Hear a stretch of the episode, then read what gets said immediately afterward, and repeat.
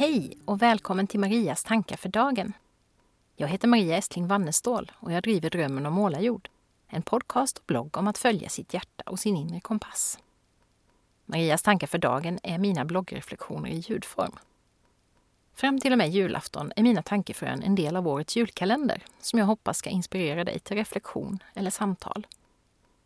Dagens lucka handlar om att vara anhörig i ett hav av känslor. Än en gång. Det var när jag stod där i föreläsningssalen på stadsbiblioteket i Halmstad och pratade om mina upplevelser av att vara anhörig till en demenssjuk mamma samtidigt som jag hade småbarn. De upplevelser som låg till grund för min debutroman, Lex Katarina, som det slog mig. Anhörig till någon som har det svårt blir de flesta av oss inte bara en gång i livet, utan flera. Och nu är jag där igen. Jag var inbjuden till Halmstad för att hålla föredrag om min bok och mina erfarenheter under nationella anhörigveckan och det var nog just för att det var i sådana sammanhang jag pratade den här gången. För människor som är anhöriga, fast på många olika sätt. Inte bara till någon som är demenssjuk, som insikten damp ner. Just nu skulle jag precis lika gärna ha kunnat vara någon i publiken som hade kommit dit för att lyssna och få lite stöd och tröst i rollen som anhörig. För sedan några år tillbaka är jag ju där igen. Med osäkerhet kring, oro för och sorg över någon som inte mår väl psykiskt. Med stress och trötthet över alla vårdkontakter, samtal att ringa, papper att fylla i, möten att gå på. Även om detta har minskat sedan mitt barn blev myndig för ett år sedan. Med skuld och skamkänslor när jag inte räcker till. När jag inte bemöter på rätt sätt. När jag känner mig frustrerad och förbannad över situationen vi hamnat i. Och avundsjuk på alla som slipper gå igenom det vi går igenom.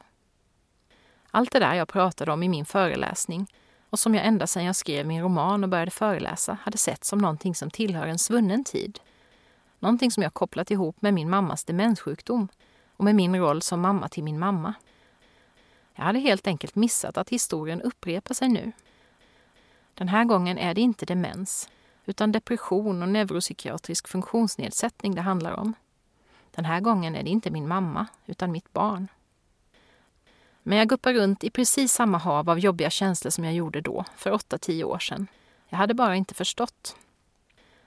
Kanske för att mitt jobbliv nu är roligare, mer stimulerande och lite mindre stressigt ändå. Och det uppväger mycket av det jag upplever privat. Kanske för att mina små barn har blivit större och mer självständiga. Kanske för att jag tar bättre hand om mig själv och ser till mina behov. Att jag tar tid till odling, skogspromenader, yoga och meditation. Kanske för att jag idag har tillgång till sammanhang där jag får dela mina tankar och känslor. Kanske för att jag också har blivit bättre på att faktiskt möta alla de där känslorna. Tillåta dem och sedan släppa taget. Utan att fastna för mycket i ältande.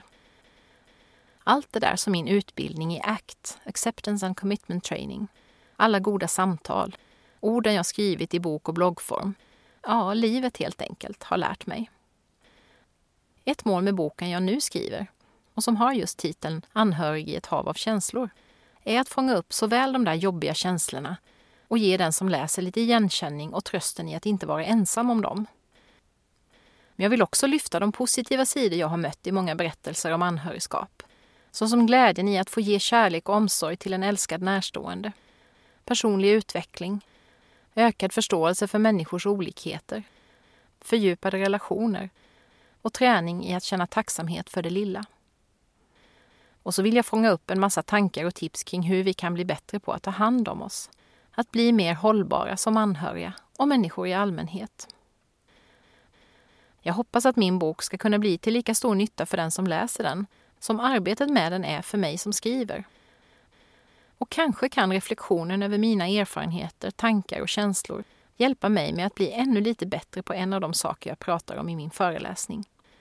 Att också ha medkänsla med mig själv när jag inte lyckas så bra som jag skulle önska. Med den där svåra rollen som anhörig.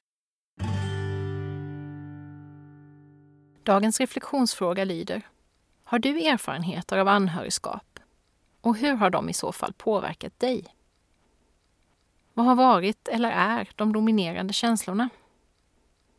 Har det också funnits positiva sidor har du hittat sätt att se till dina egna behov och inte bara till din närståendes? Tack för att du har lyssnat och välkommen tillbaka till en ny kalenderlucka imorgon. Hej då!